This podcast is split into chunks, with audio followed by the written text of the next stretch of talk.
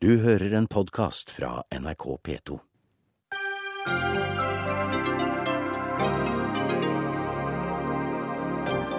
UNE gir Neda og familien nytt avslag på opphold. De setter familien i en torturlignende situasjon, mener advokaten deres. Demonstranter har blokkert regjeringens hovedkontor i Kiev. Frykt for at myndighetene i Ukraina innfører unntakstilstand. 30 år siden hiv-viruset rammet. Medisinene er blitt bedre, men hva med holdningene våre? Og kirken lanserer ironisk julenettside.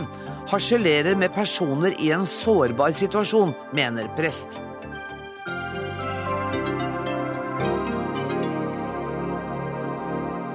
Dette er noen av sakene i Dagsnytt 18 der vi også skal høre at uroen i Thailand, Thailand fortsetter. Men først. Tolv år gamle Neda Ibrahim og familien hennes får likevel ikke komme og bo i Norge, til tross for at tingretten opphevet Utlendingsnemndas utsendelsesbegjæring for en snau, snau måned siden. For UNE valgte å ikke anke saken, men heller behandle den på nytt, og i dag kom avgjørelsen. UNE står på sitt, og familien får ikke opphold i Norge. Ingen Sofie Aursnes, du er direktør i Utlendingsnemnda. Eh, kan du begrunne avslaget? Eh, avslaget er begrunnet i hovedsak på samme måte som den tidligere beslutningen i saken. Men i denne omgangen så har beslutningstakeren vår begrunnet vedtaket bedre, slik tingretten påpekte at burde gjøres. Og det, blant annet så har dere sett nærmere på hensynet til barns tilknytning til Norge. Det er eh, ikke sett nærmere på det nå okay. enn forrige gang, men det er begrunnet, og det fremkommer av vedtaket at det er sett og vurdert. Og dere sier jo her at det legges til grunn at i hvert fall de tre eldste barna ønsker å få oppholdstillatelse i Norge. Eh, deres tilknytning til landet taler for at det er deres beste å få oppholdstillatelse i Norge. Og så står det i neste avsnitt UNE kan likevel ikke se at barnas tilknytning til Norge, helse- eller omsorgssituasjon tilsier at retur til Jordan ikke er i samsvar med eh, den norm som følger av paragraf 38. Ja. Det, det, høres for meg ut som dere sier to forskjellige ting. Det forstår jeg, at eh, det kan se sånn ut. Men det er altså ikke det vi gjør. Og beslutningstakerne hos oss har jo vektet alle argumenter for opphold. Og det er da barnets beste, det er helsetilstand, det er tilknytning til riket, det er returforutsetningene i hjemlandet Jordan. Og så har man allikevel kommet til at hensynet til regulert innvandring veier så tungt, fordi disse foreldrene i så mange år førte norske myndigheter bak lyset når det gjelder identitet og nasjonalitet. Arild Humlen, du er familiens advokat. Jeg bør vel nesten ikke å spørre deg hva du syns om dette? Ja, jeg skulle ønske jeg kunne si at dette bare er pinlig og flaut, men eh, jeg kan jo ikke det eh, når man tenker på de belastningene som dette påfører barna, først og fremst. Og jeg syns også det er ganske bemerkelsesverdig at Utlendingsnemndas direktør reduserer Oslo tingretts kritikk av det forrige vedtaket til et spørsmål om å begrunne eller ikke begrunne vedtaket. Det som, er, som man kan lese rett ut av dommen, det er at UNE i beslutningen viser at de er kjent med opplysningene. Sannsynligvis at de ikke er vurdert og tillagt vekt ved avveiningen, framkommer det videre. Og Det betyr at alle de opplysningene eh, som ligger til grunn for det forrige vedtaket, og som ligger til grunn i dag, har vært kjent hele tiden. De har foretatt en vurdering. Problemet er bare at de vurderingene er ikke gode nok. Og de blir ikke bedre av at de gjentar disse vurderingene én gang til en ny beslutning. Men, og så er, det, er det ett moment til som man må ta inn her. Og det går på habilitet. Det er da for meg helt ubegripelig at den nemndslederen som har fått kritikk av retten for mangler og, og, og, og dårlige vurderinger i det forrige vedtaket, skal vurdere sitt eget vedtak én gang til, og så komme fram til det samme resultat. Det er jo forferdelig dårlig forvaltningsskikk. Her er det jo åpenbart at denne nemndslederen ikke verken er objektivt, subjektivt eller objektivt sett, men helt klart er forutinntatt i forhold til synspunktene som, som eh, tilrettelegges i vedtakene. Skal ikke du bare svare på det siste jo, som gjelder habilitet? Det kan jeg gjøre. Hvis det her var snakk om en ny klage eller en anke til en annen instans, så vil jeg forstå den kritikken som kommer fra Humlen nå. Men det er jo ikke det det er. Her er det jo snakk om omgjøringsanmodning nummer fem. Klagen ble jo ferdigbehandlet i 2006, det er mange år siden. Etter det så har ikke den saken vært klagebehandlet flere ganger, fordi det bare er én klageomgang. Det er i omgjøringsanmodningene at samme nemndleder, ja, benyttes. Og her i denne spesielle saken så var det jo nettopp det at det ikke vedtaket var begrunnet godt nok, og da er det jo rimelig at vedkommende beslutningstaker får anledning til å begrunne en gang til. Ok, Vi, vi er på full fart inn i ja. det som er den vanskelige jussen. Men Humlen, er det ikke et poeng her at far i denne familien hemmeligholdt eh, deres nasjonalitet, familiens nasjonalitet, og at politiet fant eh, deres jordanske pass ved en ransaking for et år siden? Jo, det er klart at det er et poeng. Hadde de sagt at de var fra Jordan i utgangspunktet, så hadde jo denne situasjonen ikke oppstått, for da hadde de måttet reise mye tidligere. Men denne saken dreier seg jo ikke om det. Hva denne dreier saken dreier seg om barna som ikke har gjort noe galt, og som har vært her i en 10-12 år, og som nå har fått en stor og, og, og omfattende tilknytning til Norge. Og så dreier det seg om det faktum at disse barna, noen av disse barna har noen har medfødte helseproblemer, og noen har fått pådratte helseproblemer. Og dette er problemer som skal ha en grunnleggende eh, være en grunnleggende premiss i alle vedtak som fattes. Her er det det ikke. Her er disse hensynene tilsidesatt og ikke trukket med i vurderingene, slik også tingretten peker på. Og det er ikke slik at de har fulgt tingrettens retningslinjer for tingretten har gitt klart uttrykk for at man ikke i tilstrekkelig grad har vurdert de siste årenes tilknytning til Norge. og Det har man heller ikke vært engang inne på i denne nye beslutningen. Aina Basilier Våge, du har vært behandlende psykiater for Neda og for broren hennes. Hvordan reagerte du på beslutningen fra UNE? Nei, det var en forferdelig beskjed å få. Og når jeg leser vedtaket også, så blir jeg jo veldig bekymret med tanke på de alvorlige mangler som er i vurderingen. På tre punkt. Det ene er en veldig mangelfull barnefaglig vurdering når det gjelder helsesituasjonen til barna. Det andre er en mangelfull kunnskap, tenker jeg, om vurdering av foreldrenes situasjon når de skal ivareta barn under sånne ekstreme forhold, hvor de til og med havner i en krigslignende tilstand på grensen til Syria. Og det tredje er dette med den kulturelle vurderingen, med en slags idylliseringen av retur til egen kultur og egen familie. Helt frakoblet hvordan virkeligheten er, hvordan familien faktisk fungerer, og situasjonen i Jordan på det tidspunkt hvor barna ble tilbakeført. Eh, og for å bare si én ting om dette med alvorlighetsgrad, som jeg hørte at Aursnes nevnte at det helsemessige var ikke av en tilstrekkelig alvorlighetsgrad i henhold til paragraf 38, så er jo saken det at det står i utredningen også noe med at skal det være alvorlig nok, så må det være som en alvorlig psykose. Her har man ikke, vært i stand og ikke vurdert hva er alvorlige psykiske helseproblemer for barn. Slik at den barnefaglige vurderingen igjen syns jeg er sterkt mangelfull og nærmest tragisk for denne og for flere saker. Men, men bare igjen, altså hvis foreldrene hadde oppgitt sin ekte nasjonalitet da de kom hit, så ville de vært vurdert som ikke å ha beskyttelsesbehov i Norge. Er ikke foreldrene da no, også noe å laste for den situasjonen som barna er kommet i? Det er selvfølgelig, og det er et viktig punkt, men her skal vi ikke blande kortene heller. For saken er, hvilken pris er vi villige til å la barn betale for en fars løgn? Er det sånn at fars løgn gjør at fire barn blir fratatt egne rettigheter i et rettssystem? Er ikke ti år i Norge nok? Hva er da? Da er det andre måter å straffe far på enn på denne måten her. Har vi et system hvor, foreldre, hvor foreldres misgjerninger skal barna lide for? Det er jo ikke sånn vi tenker om andre barn, norske barn i vårt samfunn. Og skal vi det her? Ingunn Sofie Aursnes, eh, ti år i Norge, og det er andre måter å straffe foreldrene på? Mm. Eh, nå må jeg bare si at det er jo ingen straff vi snakker om her. Det er ikke en straffesak. De opplever det jo slik, da, åpenbart. Ja, og det vil nok alltid noen gjøre så lenge vi har regulert innvandring i Norge. Så lenge vi har regulert innvandring, og ikke alle som vil bo her, får bo her, så vil de oppleve situasjonen annerledes enn den ser ut som fra beslutningstakers siden. Dette er det ikke mulig å komme unna. Men ti år er jo lenge. Det, altså det er for noen av barna hele deres liv.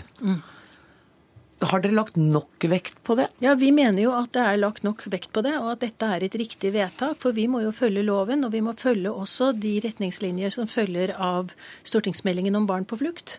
Og det er jo nettopp dette med å tilbakeholde bevisst over ti år med opphold i riket.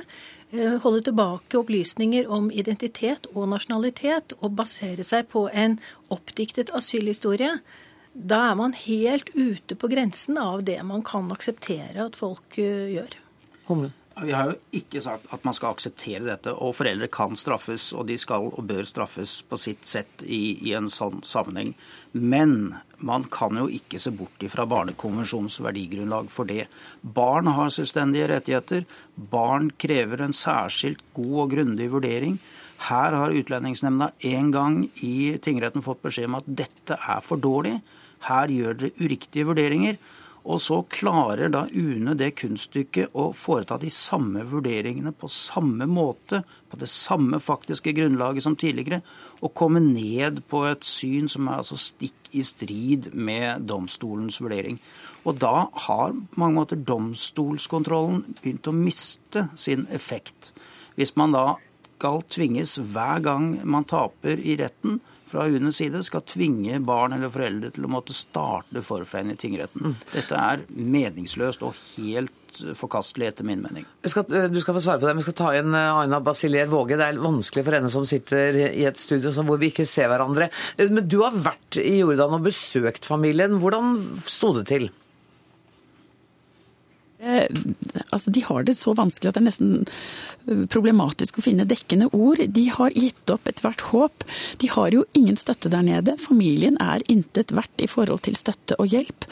De har ikke jobb. Det er en flyktningstrøm inn fra Syria som tar det som er av jobb og muligheter.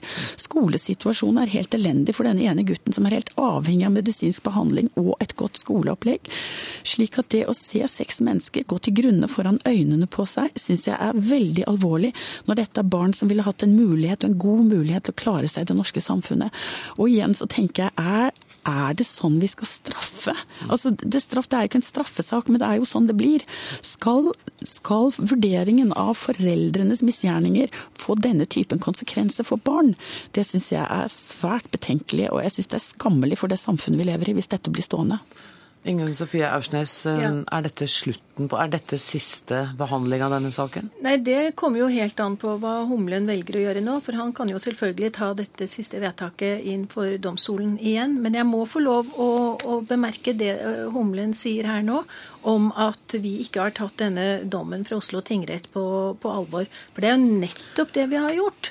Det er jo akkurat det vi har gjort. Vi har lyttet til hva tingretten sier, og vi har fattet et nytt vedtak hvor de vurderinger som allerede var gjort, og som fortsatt gjøres, begrunnes bedre og fremkommer bedre i vedtaket. Det er nettopp det vi har gjort. Hvis vi ikke hadde skrevet et nytt vedtak, tatt et nytt vedtak, så kunne vi jo selvfølgelig ha anket. Det ville vært å se bort fra tingrettens dom. Vi har gjort det motsatte. Vi har tatt den dommen på alvor. Humlen blir det en ny runde i retten. Eh, For det første er ikke jeg som avgjør det, det må jo familien avgjøre. Ja. Og jeg vet ikke om helsen dens tåler en slik okay. belastning. Men jeg vil jo bare si det at det er ikke nok å lytte til tingretten, man må også gjøre slik tingretten foreskriver.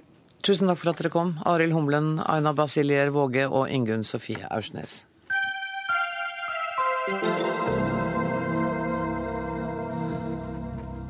Demonstrantene i Ukraina blokkerer regjeringens hovedkvarter i Kiev og hindrer de ansatte å komme på jobb. Aktivistene protesterer mot at presidenten ikke vil samarbeide tettere med EU, men derimot knytte nærmere bånd til Russland. Ane Tusvik Bonde, regionalt ansvarlig for Øst-Europa i stiftelsen Menneskerettighetshuset. Du er nå i Kiev. Hvordan er situasjonen nå? Eh, Jeg vil si at Situasjonen er på en måte spent, fordi dette har vært første dagen etter helgen. Folk er spente på reaksjonene fra myndighetene her. I avisen så står det at prosessen gikk fra fest til storm, altså etter at det brøt ut voldelige demonstrasjoner i går, etter at det hadde vært fredelig hele dagen. Eh, Men det er fortsatt altså musikk på Maidan og folk som er ute. Så den generelle følelsen er fredelig, men spent. Eh, Jeg har brukt mesteparten av dagen i retten. Vi har vært her sammen med 30 eh, aktivister, som er de som ble arrestert etter eh, demonstrasjonene natt til lørdag, der det var flest studenter. Eh, så vi har ventet utenfor rettshøringene for å komme inn til dommerne som skulle avgjøre om disse skulle dømmes for huliganism.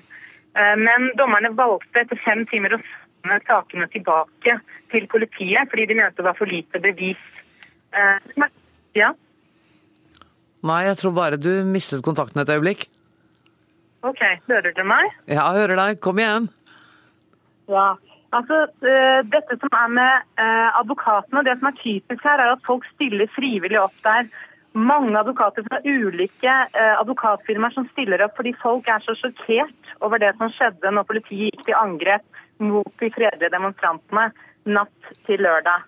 Eh, og Det mener man også er grunnen til at så mange gikk ut i går, at dette ble en ekstra reaksjon. I tillegg til at folk ønsker å vise sin støtte til at Ukraina skal gå mot Europa, så er det også en protest mot det som skjedde natt til lørdag. Eh, man er også sjokkert over voldsbruken fra politiet, og hvordan man har slått med mer enn altså 35 journalister, både utenlandske og ukrainske.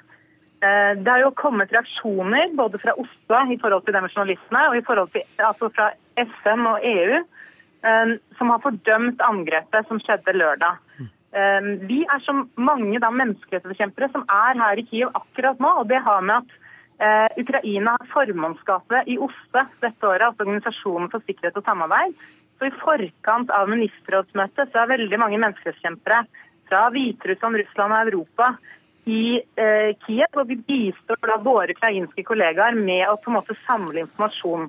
Eh, det vi også ser er at eh, I dag så har protestene også spredt seg til Armenia, fordi Putin er på besøk i Armenia i dag, som har sagt at de ønsker å gå inn i denne unionen eh, med Russland. Og man har arrestert over 110 eh, demonstranter i, i Armenia for å nettopp hindre at det skal bli noe lignende mobilisering som man ser i Ukraina.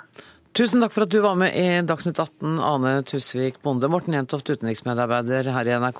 Hvor dramatisk er det som skjer i Ukraina? Situasjonen er uh, veldig dramatisk. Akkurat før jeg kom inn i studio her, så kom det en uttalelse fra uh, Mykola Asarov, statsministeren i Ukraina. Han sier at det som nå skjer, minner om et kupp. Og Da tenker han selvfølgelig på det som kommer til å skje i morgen. I dag er jo en slags mellomdag i Kiev, men i morgen er det uh, tillyst mistillitsforslag mot regjeringen. i i Hovnirad, altså i parlamentet i Ukraina. Og eh, Riktignok så har Janukovitsj og regjeringspartiet et flertall der, men det er et vaklende flertall. Vi ser at det er en god del avhoppere allerede fra eh, regjeringsblokken i parlamentet, sånn at det kan nok bli en ganske spennende avstemming. Og Det skjer jo samtidig da som titusenvis av demonstranter er på vei inn til Kiev for å demonstrere. Det kommer nok til å bli store demonstrasjoner i morgen, samtidig som også myndighetene trekker inn politistyrker fra andre andre deler av Ukraina til Kiev. Eh, sånn at det er eh, en oppladning foran det som kommer til å skje i, i morgen. Og Jeg snakket også med Torbjørn Jagland, som jo er generalsekretær i, i, i Europarådet. Han var også meget bekymret over, over, situasjonen. Han hadde snakket både med den uh, ukrainske utenriksministeren i ettermiddag og representanter for opposisjonen. Og han er meget bekymret. Det er steile fronter. Ingen vil gi etter. Sånn at det er en balansegang mellom det som skjer inne i parlamentet og det som skjer ute på gaten, altså gatens parlament. Men tidligere i dag så var det jo også frykt for at myndighetene skulle iverksette unntakstilstand? Ja da, og det snakkes det jo om eh, fremdeles at man vil gjøre det, fordi at eh, visse deler av Ukraina gjør jo nå også delvis opprør mot de sentrale myndighetene. Borgermesteren i Lviv, Lvov helt øst i vest i Ukraina, sier det at hvis det blir innført unntakstilstand, ja så vil byens politifolk da eh, ta av seg uniformen og stille opp til kamp mot myndighetene. Sånn at det er en veldig spent situasjon. Nå gjøres det jo også forsøk da på å roe ned situasjonen fra eh, utlandet, men EU er for så vidt spilt på sidelinjen denne gangen, i og med at de har vært en part i det som har skjedd gjennom denne avtalen. EU spilte jo en nøkkelrolle for å løse krisen i 2004. Det kan de ikke gjøre denne gangen. Aleksandr Kwasniewski, den tidligere polske presidenten, har jo hatt tillit i flere leire i Ukraina. Det har han kanskje ikke denne gangen, sånn at man har et instrument mindre til å løse krisen innad i Ukraina akkurat nå. Hvordan forholder hæren seg, eller det militære seg nå? Ja, Det er jo en, ikke en tradisjon på at de skal gripe inn i, i, denne konflikten. og Det skjedde heller ikke i 2004, men det var ikke langt unna den gangen at det kunne ha skjedd. Er det like og, dramatisk nå? Ja, det er for så vidt like dramatisk nesten nå, vil jeg si. altså. Og, og motsetningene er jo veldig mye de samme. Den store forskjellen nå, som vi har hørt fra bl.a. fra helgen, er at ungdommen i Ukraina, og det gjelder også fra den østlige delen av landet, faktisk er, mer, eh, er begynt å bli mer lei kan du si, av den gamle eliten som styrer landet, og at de støtter opp under opposisjonen. Men det er jo ingen som helst slags tvil om at Janukovitsj og regjeringen har også støtte i breie lag av befolkningen, som ikke ser EU som noe løsning på deres problemer, men at man må fortsette de tradisjonelle, historiske, århundrelange kontaktene og båndene som man har med de andre slaviske nabolandene, og da også Russland. Bjørn Nistad, du er doktor i russisk historie, og du ser at Vesten er bekymret og kommer med henstillinger om ro. Ehm, hva slags rolle spiller Vesten i denne konflikten? Ja, altså jeg vil jo si at Vesten på en grov måte blandet seg inn i Ukrainas indre anliggender at det, det, har vært en kamp om, om, landet, det er ikke tvil om. Altså EU på den ene side, Russland på den annen side. Og i denne situasjonen hadde Russland rett og slett mer å tilby. Altså dels at uh, Ukraina sannsynligvis har en økonomi som passer bedre sammen med Russland enn sammen med EU. Og rett og slett at uh, Russland hadde mer penger. altså De var villige til å gjette gjeld, tilby billig gass osv. Altså, Russland har tilsynelatende hatt de ressursene Vesten ikke har hatt. Og i denne situasjonen forsøker Vesten å lage en slags oransje revolusjon ved å støtte rett og slett et opprør mot en lovlig valgt regjering. Og Man kan jo tenke seg den motsatte situasjonen. At, det var, at den ukrainske regjering hadde undertegnet en, en, avtale med EU, og at Putin da reiser til Kiev og sier at gjør opprør, fremtving en ny regjering som skroter den avtalen. Liksom, liksom, nå ser man det står EU-flagg, ukrainske flagg og Bandera-flagg. Altså, siden det var motsatte situasjonen da, med ukrainske flagg, eh, russiske flagg og Stalin-portretter. Altså, Bandera var en fascistleder, og det er derfor referansen til Stalin. Altså, hadde dette vært satt på den andre veien altså Europa hadde jo gått av eh, hengslene, eh, men liksom nå er det vi som gjør det, og da er det plutselig ålreit å kamp for demokrati. Avviser du helt at, eh, at Putin og Russland kan ha lagt et utilbørlig press på Ukraina? altså, hva er et utilbørlig press? De, de, de, sa to ting. De sa at hvis dere melder dere inn denne assosieringsavtalen, så får dere ikke lenger eksportere eh, tollfritt til, eh, til, til oss. Og det, og det, står i den gjeldende frihandelsavtalen mellom Russland og Ukraina. Og det er ikke noe rart at Russland gjør det, ellers ville de fått sitt eget marked oversvømt av EU-varer via Ukraina.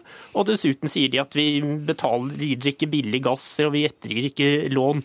Men altså, det, det, er jo ikke noe utilbørlig press. Altså, hvorfor i all verden skal de billig gass hvis uh, Ukraina me melder seg inn i Eller de vil, for, for, de vil aldri ha en sjanse til å bli virkelig medlem av EU. Mm. Men det, det, det, er jo kontroversielt, for det er jo andre eksperter som da ikke er enig med deg i denne analysen.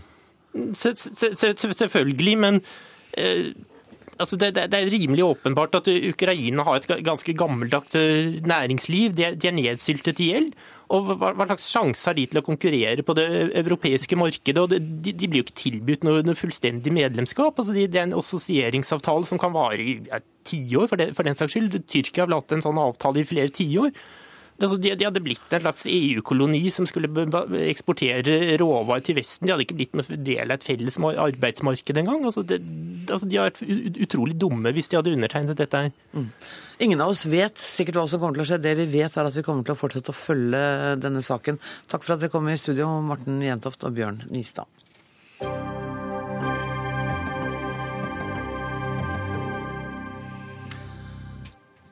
Regjeringen vil fjerne Postens monopol og åpner nå for EUs postdirektiv. Planen er å foreslå en ny postlov før jul. Allerede før forslaget er ferdig skrevet, hagler protestene, bl.a. fra deg, Audun Lysbakken, leder for SV.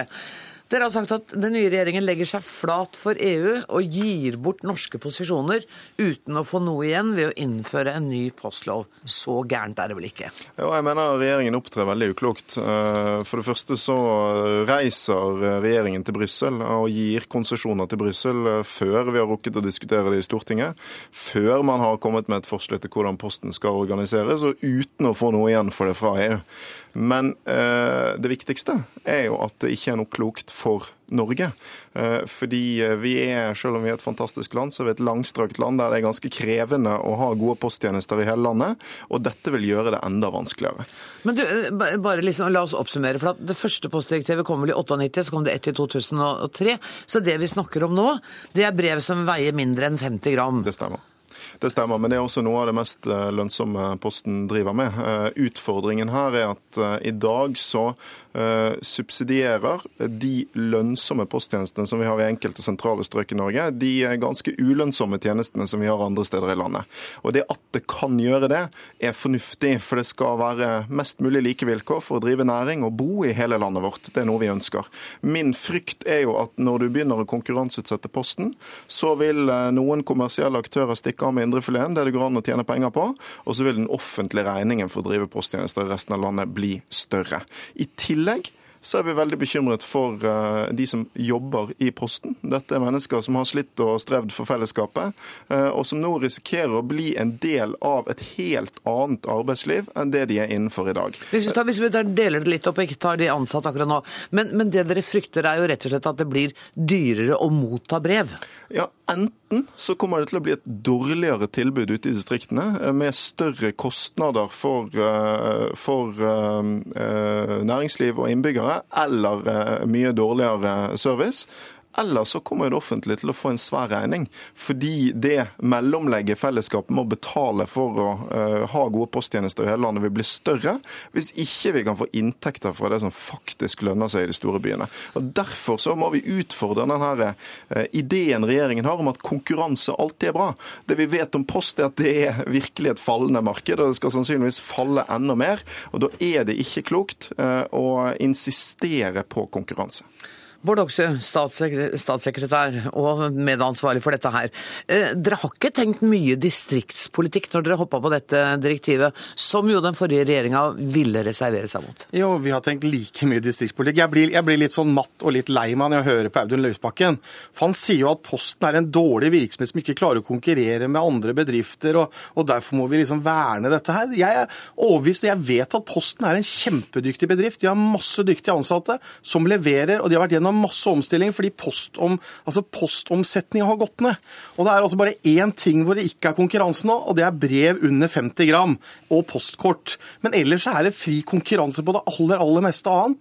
Posten leverer kjempegode tjenester. De leverer på pakker og alt mulig annet. De konkurrerer med hvem det skulle være. Sjefen i Posten har sagt ja, vi er åpne, vi tar gjerne konkurransen. Vi ønsker å være forberedt på å møte konkurransen. Det er EU og EU som har sagt at innen 2013 så skulle det være fri konkurranse innenfor postmarkedet. Posten har sagt ja, vi er villige, vi tar den utfordringa, vi kommer til å levere. Og det blir altså ikke dårlig for distriktene. Dette er sånn skremselspropaganda fra Audun Lysbakken. er litt sånn museumsvokteren. Nei, men du, hør en ting her. Kan det ikke like gjerne være at dere er litt engstelige for represaliene fra EU? For at EU ble ikke noe blide da den forrige regjeringa sa at dette vil vi reservere oss mot. Og så tenker de at nei, la oss holde oss venner med dem, og så gjør vi som de vil. Nei, men jeg, altså, jeg, jeg er jo ikke, er noe, jeg, jeg er ikke noe sånn gen, genuint opptatt av EU. Men jeg har vært genuint opptatt av at jeg tror på Posten, jeg tror på selskapet, jeg tror at man trenger konkurransen. Og vi har vært for det i Fremskrittspartiet i flere perioder. De to periodene jeg sitter på Stortinget, vi har jobba for å få til dette her. Fordi vi vet at Posten klarer å levere. Og når Audun Lysbakken prøver seg på at det skal bli dårlige i distriktene, så er det bare tull. Det skal være akkurat like gode eh, tjenester i distriktene som det skal være i de store byene. Det skal ikke koste mer å sende post i Finnmark enn det skal koste å sende i Oslo. Okay. Det handler om altså enhetsprisen på og det å sende brev. Ja, Og litt dårligere over hele landet blir det jo for får dere det som de vil, så blir det jo ikke noe postombæring på lørdager. Jo, men, nei, men poenget, jo, det blir avisombæring på lørdagene. Men poenget er altså at postomdeling går ned, og post, vi sender stadig mindre post. Elektronisk kommunikasjon, eller det at folk sender e-post til hverandre, det har blitt den nye måten å sende fakturaer og, og informasjon og alt mulig til hverandre, og derfor slutter folk å sende post. Posten har vist at de klarer å være konkurransedyktige, omstillingsdyktige og levere masse andre tjenester. De er blitt et transport- og logistikkselskap. Nå må museumsbestyreren få ordet. Du ble, dette ble du beskyldt for nå. Jeg skulle tro at eh, disse analysene var noe jeg hadde funnet på. Eh, I motsetning til denne regjeringen så eh, sørget vår regjering for en ganske grundig utredning av dette spørsmålet før vi tok stilling. Eh, En av rapportene kom fra eh, Oslo Economics, som altså ikke er noe utredningsinstitutt i SV, eh, men et, et anerkjent organ for den slags. Og de beskrev jo hva slags svære regninger samfunnet står overfor bare med det utgangspunktet vi nå har, fordi det blir mindre post av denne typen. Og det kommer det til å bli. Og Derfor er problemet med denne regjeringen at den tror at konkurranse er bra overalt. Konkurranse egner seg kjempebra til å selge såpe og sjampo og en haug med andre ting, men for noe som det blir altså mindre lønnsomt å drive med, samtidig som vi ønsker at tjenestene skal være like gode i hele vårt langstrakte, spredtbygde land, så egner det seg ganske åpenbart ikke. Og det er jo en av mine innvendinger mot regjeringen, at de har jo ikke lagd noe nytt beslutningsgrunnlag. De har ikke utredet dette. Så når Bård Hoksrud sier at dette kommer til å gå kjempebra, så har han ikke noe annet grunnlag for å si det enn at Bård Hoksrud ønsker at det skal gå bra. Jeg vil jo foreslå at regjeringen før de tar et sånt eh, stor beslutning, sørger for å få gjort nye utredninger av utviklingen i postmarkedet, hva som skal til for å ha like gode tjenester i hele landet, og hva det kommer til å koste. For det har de ikke gjort. Det hadde vært en idé. Ja, har, det er, dette er jo utreda. Vi har sett det samme, samme utredning som Audun Lysbakken har gjort. Poenget er jo at jeg har lyst til å si til Audun Lysbakken at du må begynne å sende mer post til Audun Lysbakken, og vi må sende mer post alle sammen. Hvis ikke denne utviklinga skal komme. fordi den utviklinga har vært nå de siste åra, så har det vært altså nedgang og nedgang i, i, i sending av post. Og Lysbakken har vel et kjempepoeng i at når det går ned, det blir færre brev, så går det utover distriktene. Og det er konkurransemomentet blir jo litt borte her, da, Hoksrud. Nei, men Poenget er at ja, da tar man som utgangspunkt at Posten ikke klarer å konkurrere. Da Meidel, som er sjefen i Posten, har sagt altså at de er kjempeklare for å møte den konkurransen. Det er ikke sånn at det kommer til å flomme inn selskaper som vil levere, levere brever Nei. under 50, 50 gram rundt omkring til folk, fordi at det plutselig blir åpent for det. Og noen steder vil det være. Men jeg er overbevist om at både Posten og de ansatte i Posten klarer dette på en glimrende måte. De har vist så langt, og de er overbevist om at de kommer til å vise framover. Og så vet jeg at Audun Lysbakken sine spådommer om at dette er liksom slutten på alt, og nå går det eh, Hvis, hvis det blir konkurranse og, og, fri konkurranse her, så går det til, til dundas. Det gjør- kommer ikke til å skje. Dere har jo, altså, dette handler jo ikke om tilliten til de ansatte i Posten. Er det noen som har tillit til de ansatte i Posten, så er det meg. For jeg har hørt på hva de mener.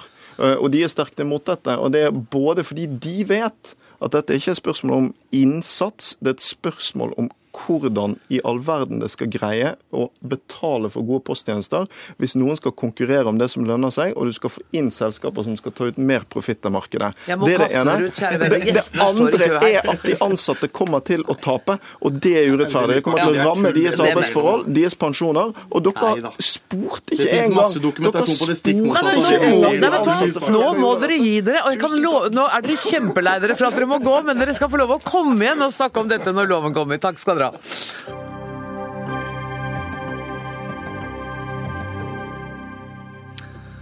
«35 millioner mennesker er smittet av sykdommen som skapte panikk, sorg og lidelse på 80-tallet. Og fortsatt er hiv-epidemien under utvikling, og Oslo opplever nå en ny smittebølge. Få sykdommer har vært mer forbundet med tabu enn nettopp hiv og aids. Og Bente Magni Bergersen, du er seksjonsoverlege ved infeksjonspoliklinikken ved Oslo universitetssykehus Ullevål. Er hiv fortsatt forbundet med skam? Ehm, Det er det, dessverre. Det er jo færre som er åpne med diagnosen nå eh, enn det var helt i begynnelsen. Nå tenker jeg at de har mer å tape.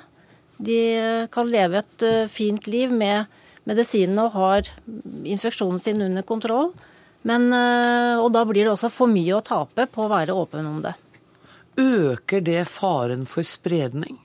Ja, jeg tenker at dette ikke er Altså At det kan ha en stor betydning i forhold til det med, med smittsomheten. Mm. Det, det, tenker jeg. Og, og, smittsomheten, kan man gjøre noe med den? Altså, bortsett fra det helt opplagte med å bruke kondom og være forsiktig ved seksuell omgang, er det andre ting? Ja, jeg tenker at vi nå, nå er vi der. Vi, mange som står på medisiner, og vi har allikevel ikke kontroll, selv ikke her i Oslo hvor vi burde ha nok penger. Og, så det er noe med måten vi har håndtert det fram til nå. Og sånn som vi, Hvis vi tenker på å sammenligne med tuberkulose, da setter man folk på behandling med en gang for å hindre smitte. Gjør vi ikke det nå? Nei, vi gjør ikke det. Og jeg tenker vi har vært veldig opptatt av plager og bivirkninger av medisinene og, og har tenkt for mye på å håndtere den enkelte pasienten. Men jeg tror at tida er inne at vi også må tenke på å bruke medisiner nå for å stoppe den epidemien vi har. Altså bruke medisiner for å forebygge smitte? Ja, rett og slett. Teste, Finnes den medisinen? Teste, teste, og med en gang folk har fått påvist hiv-en sin, så får de tilbud om å starte med en behandling. Er det slik at også i Norge øker tallet på hiv-smittede? Eh, blant eh, menn som har sex med menn, så er det eh, en epidemi som har pågått nå i flere år, som vi ikke har greid å håndtere. Og selvfølgelig, når flere og flere lever godt med sin hiv, så blir det flere som, som har hiv totalt sett. Da bidrar vi til å snakke om det, og det gjør også NRK Fjernsynet, som i dag starter serien 'Tørk ikke tårer uten hansker', som Jonas Gardell har skrevet, og denne TV-serien har vakt sterke reaksjoner i Sverige. Vi har med oss Jonas Gardell, som er forfatter. Hvordan reagerer du på det du hører, og som du selvfølgelig vet, nemlig at man snakker mindre om det nå enn man gjorde for noen år siden? Ja, altså Problemet er at veldig, veldig mange unge, unge mennesker tror at faren er over. At dette er noe, noe som skjedde på 80-tallet og 90-tallet, og ikke nå. Og, eh, og, det er jo helt feil. I, Sverige har det aldri smittet så mange unge med hiv i gruppen menn som har sex med menn någonsin som idag. Eh, eh, och, så, och det, det, det, ni snackade om så handlar det jo också om att, at man skal testa seg regelbundet. For ju tidigare du kan få din hivstatus bekreftet bekräftad desto tidigare kan du sätta inn medicinering. Det er enda vägen å gå. Och om du medicinerar kan du i regel se till att du ikke har noen mätbar virusmängd i blodet Og da smitter du inte.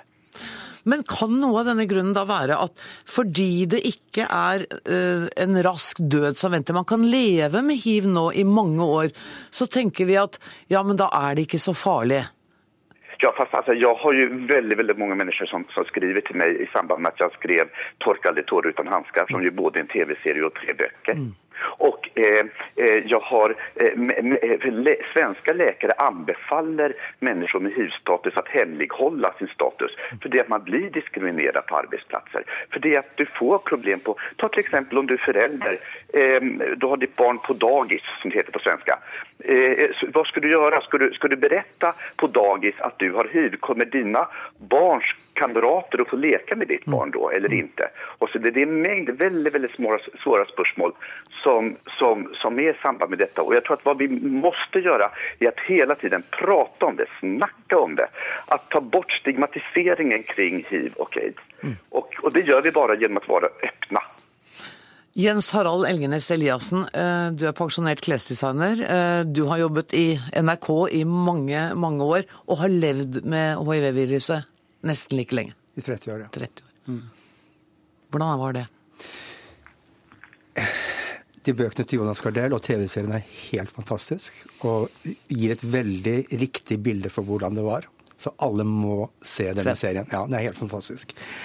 For det var et helvete. Det mm. var eh, astronauter som kom inn i rommet ditt når du var sjuk, for jeg ble sjuk i 83. Og da var det De visste jo ikke hva de skulle finne, ikke sant. Så de var jo på, på leting.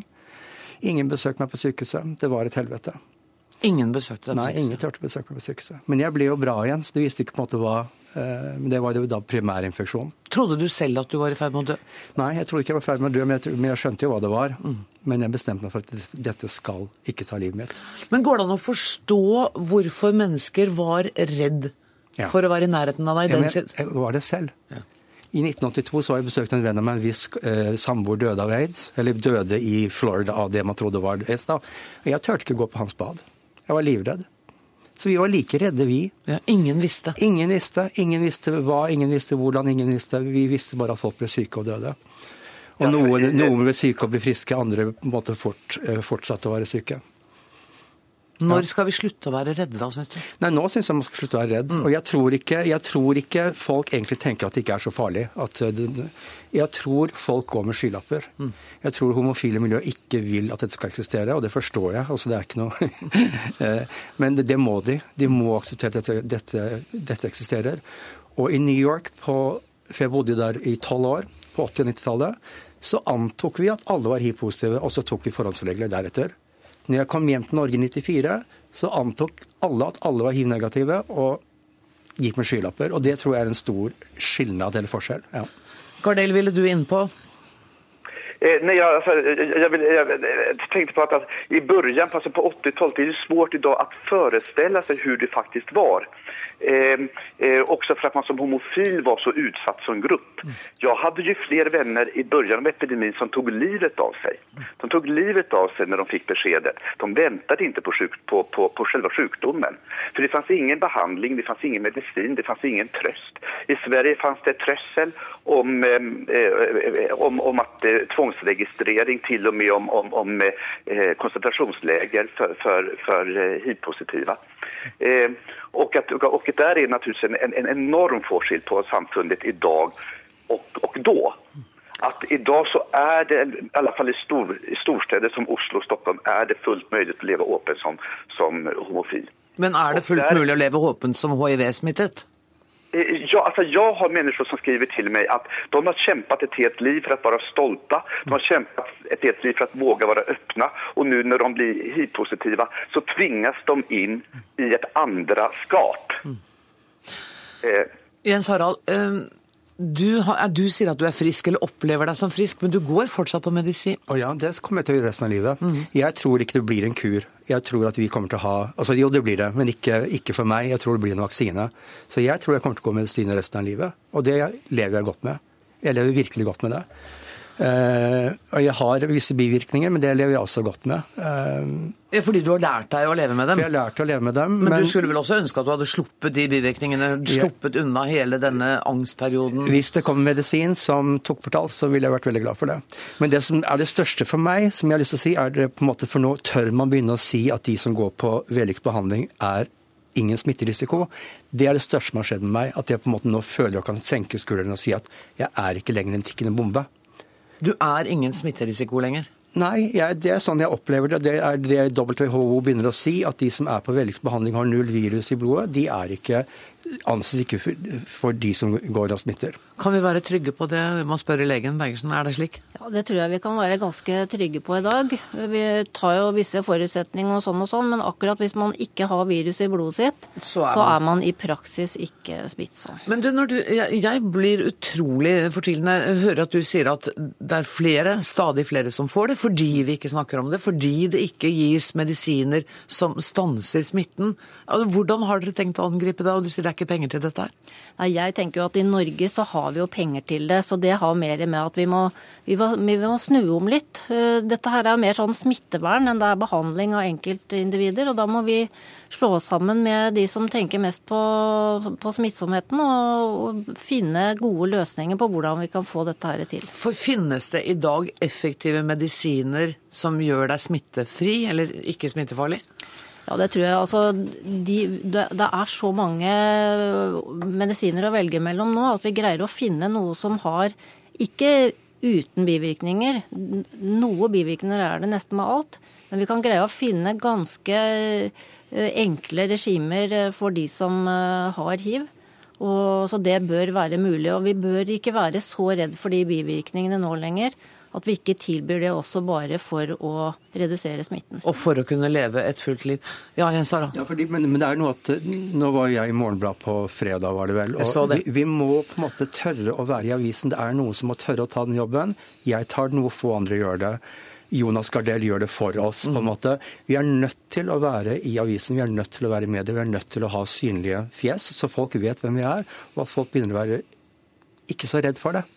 Det er jo ingen som vet hva hiv er, nesten. Det er jo ingen som på en måte det, Det er, det er et ikke-tema, og det må det bli slutt på. Det må bli et tema. Det er nesten sånn kreft på 50-tallet, 60-tallet, hvor ingen turte å snakke om det.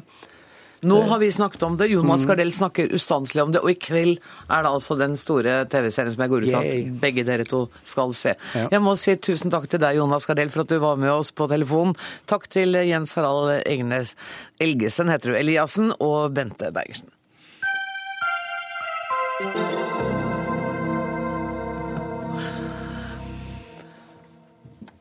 litt ekstra juleinnsats og en god porsjon flaks kan du vinne plass på første rad under gudstjenesten siste søndag i advent. Det er det Den norske kirke som frister med på sin nettside perfektjul.no. Trude Evenshaug, kommunikasjonsdirektør i Kirkerådet. Fjerde søndag i advent er altså 22. desember i år. Det er ikke akkurat rift om plassene på kirkebenken den kvelden. Det var liksom et forsøk på å være litt selvironisk på kirkas vegne. da. Eh, det. Men altså, konkurransen er for så vidt reell nok hvis folk har lyst til å være med. Og poste bilder av eh, sin jul. Eh, og gjerne i protest mot vårt oppdrag, som jo er ganske overfladisk og hårete. Og det, var, en ganske sånn vakker nettside, men eh, det tok meg noen sekunder å skjønne ironien. Og så ser jeg at det bare hagler med reaksjoner. Tenkte dere at sånn skulle det bli? Eh, Vi visste at det kom til å bli eh, kontroversielt, fordi eh, ironi er, kan være krevende. Mm. Og det var for så vidt meningen at det skulle bli oppmerksomhet om det. Og vi regna også med at ikke alle ville like formen, for dette er jo, altså, vi er jo ikke helt enige når det kommer til hva som er morsomt, og hva som er rammene når det gjelder ironi. Og Kirkerådets ironiske tilnærming til julen harselerer med både utsatte grupper og folks, folks ønske om å lage hyggelig ramme om julen, mener biskop Solveig Fiske. Hun vil, og de ansatte i Hamar vil gjerne at dere skal stoppe den aksjonen. Altså, eh, Vi lytter selvfølgelig til eh, kirkas ansatte som eh, melder seg nå. Det er en del som melder seg. Både positivt og negativt. Men jeg tenker nok at vi skal være litt mer tålmodige. Altså, dette har vart nå i to dager.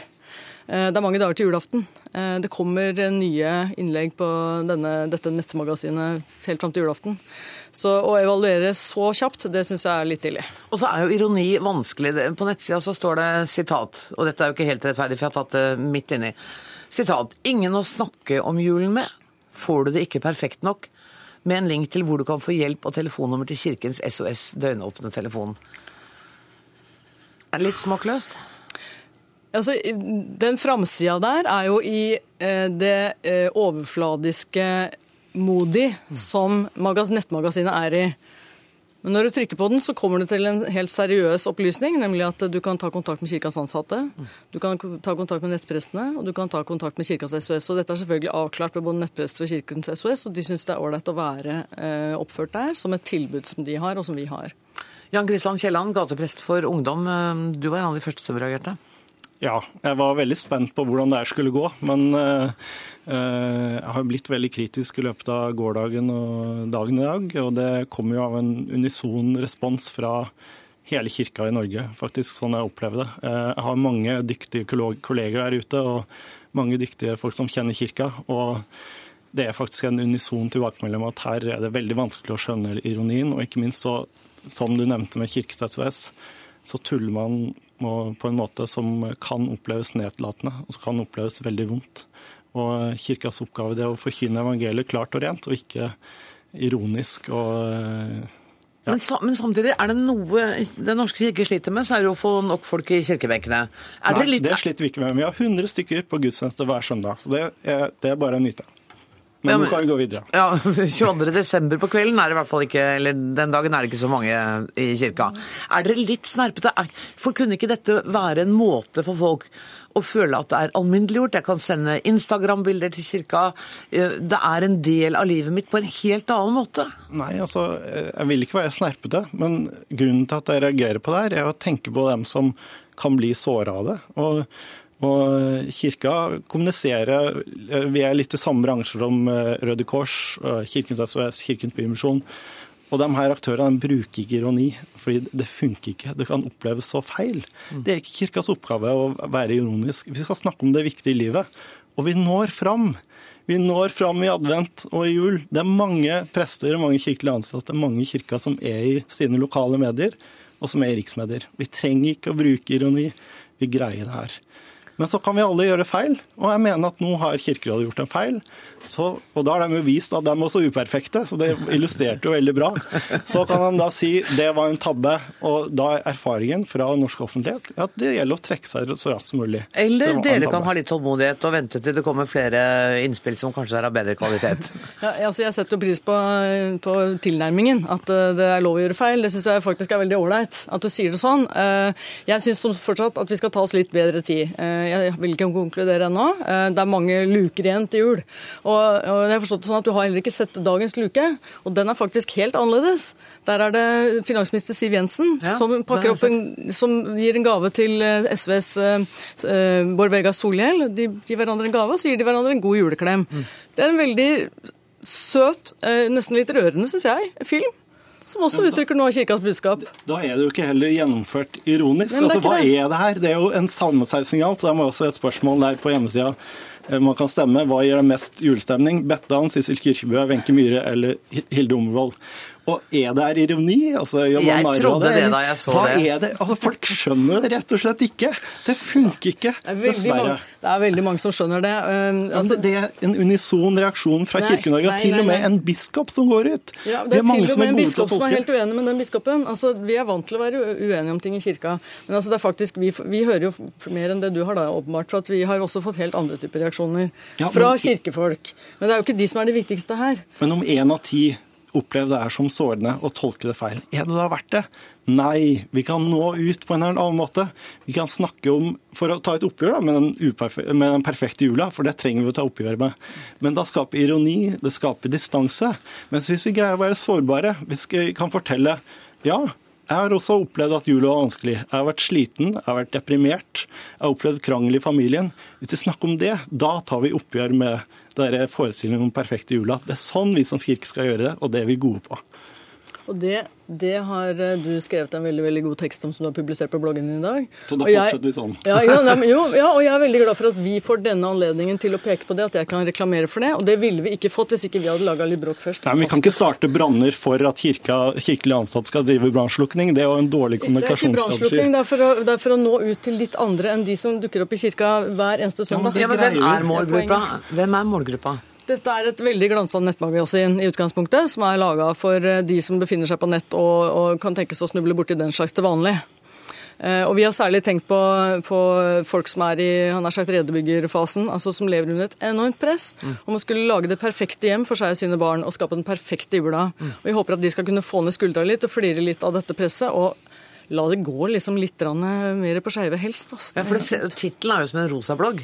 Perfektjul.no. Ja. Du, du vet liksom ikke helt eh, hva du får, og blir litt du, du våkner jo litt når du ser den, for du tror jo nesten ikke dine egne øyne. Ja, men jeg mener, Da må man angripe feil aktør. fordi eh, da tror jeg at også dem som prøver å skape den perfekte jula, som jeg mener at det er ikke dem vi skal gjøre narr av. Vi skal eh, innse at vi alle, og det gjelder oss også, vi er fanga i det her at vi føler at jula og advent må være så perfekt. Og Da må vi altså for å ta oppgjør med det, så må vi snakke om at vi sjøl ikke er perfekte. Men kan det vi ikke gjøre, ta, De prøver nå å ta det oppgjøret, men med ørlite grann humor. Nei, altså de prøver med ironi, og ironi skaper distanse, og folk kan oppleve det som sårende. Beklager, det funker ikke. Og hva gjør dere nå? Fortsetter dere? Eh, Vi tar ikke dette av lufta nå, nei. Det er altfor tidlig. Og jeg tror nok at vi skal holde på til julaften. fordi at på julaften har vi nemlig planlagt noe som er skikkelig fint. Jeg tror at det her blir avlast på torsdag, når det er kirkerådsmøte. Det ingen vet, eh, men foreløpig i kveld ligger den for de av dere som vil inn og se. Så heter den altså perfektjul.no. Tusen takk til Trude Evenshaug og Jan Christian Kielland.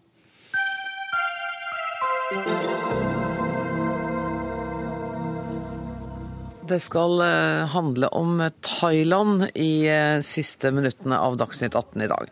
For opptøyene i Bangkok har blitt stadig mer intense og voldelige de siste dagene. I dag utstedte thailandske myndigheter en arrestordre på mannen de mener er lederskikkelsen for demonstrantene i Bangkok. Harald Bøckmann, koordinator for Asiastudiet ved Universitetet i Oslo. Opprørslederen Sutep eh, Taugusuban er siktet for opprørsvirksomhet og for å ha forsøkt å velte regjeringen. Er det det han har gjort? Ja, det er det han eh, helt åpenbart eh, har i tankene.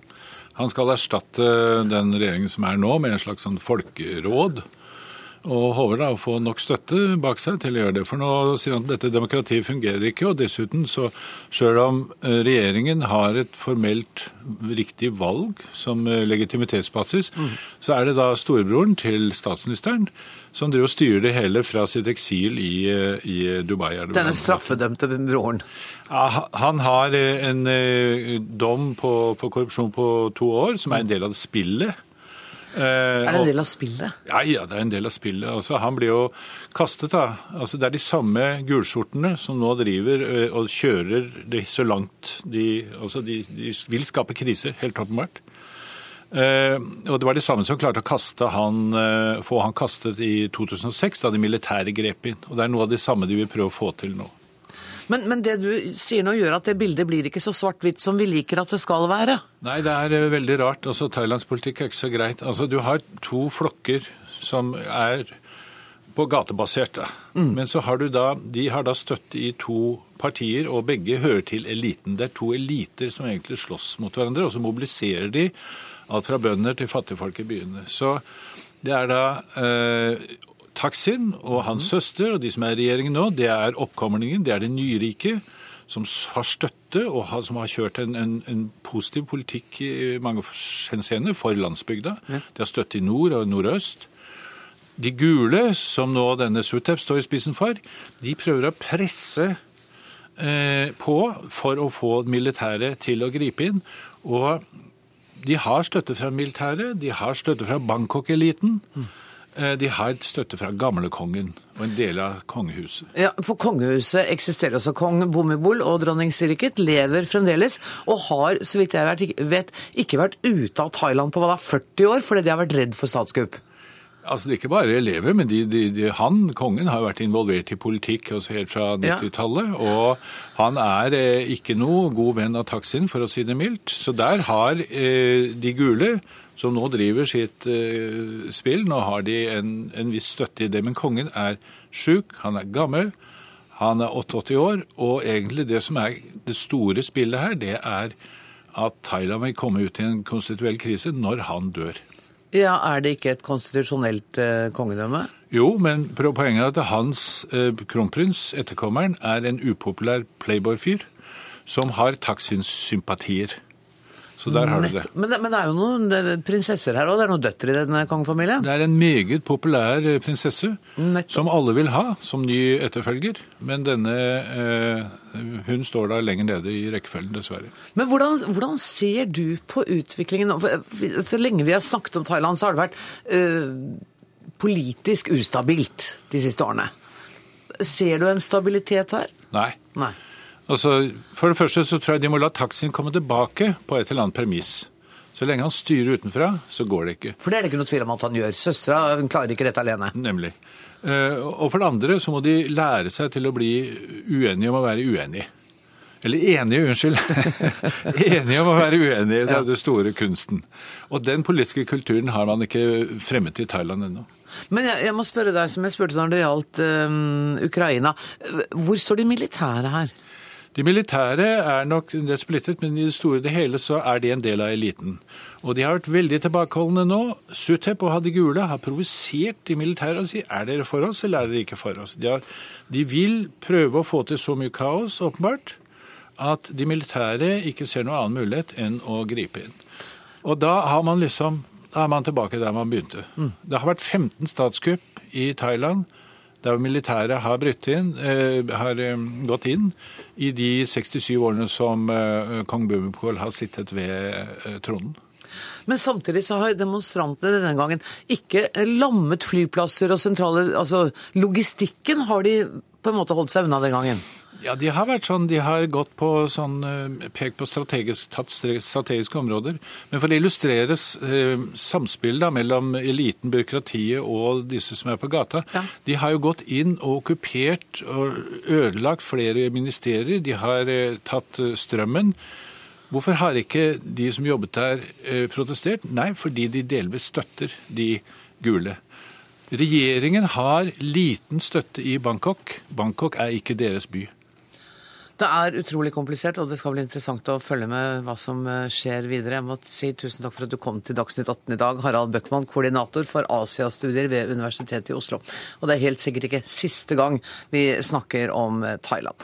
Denne Dagsnytt 18-utgaven er over. Ansvarlig for sendinga i dag var Ida Tune Øritsland. Det tekniske ansvaret har Beate Haugtrø. Jeg heter Anne Grosvold. Takk for nå.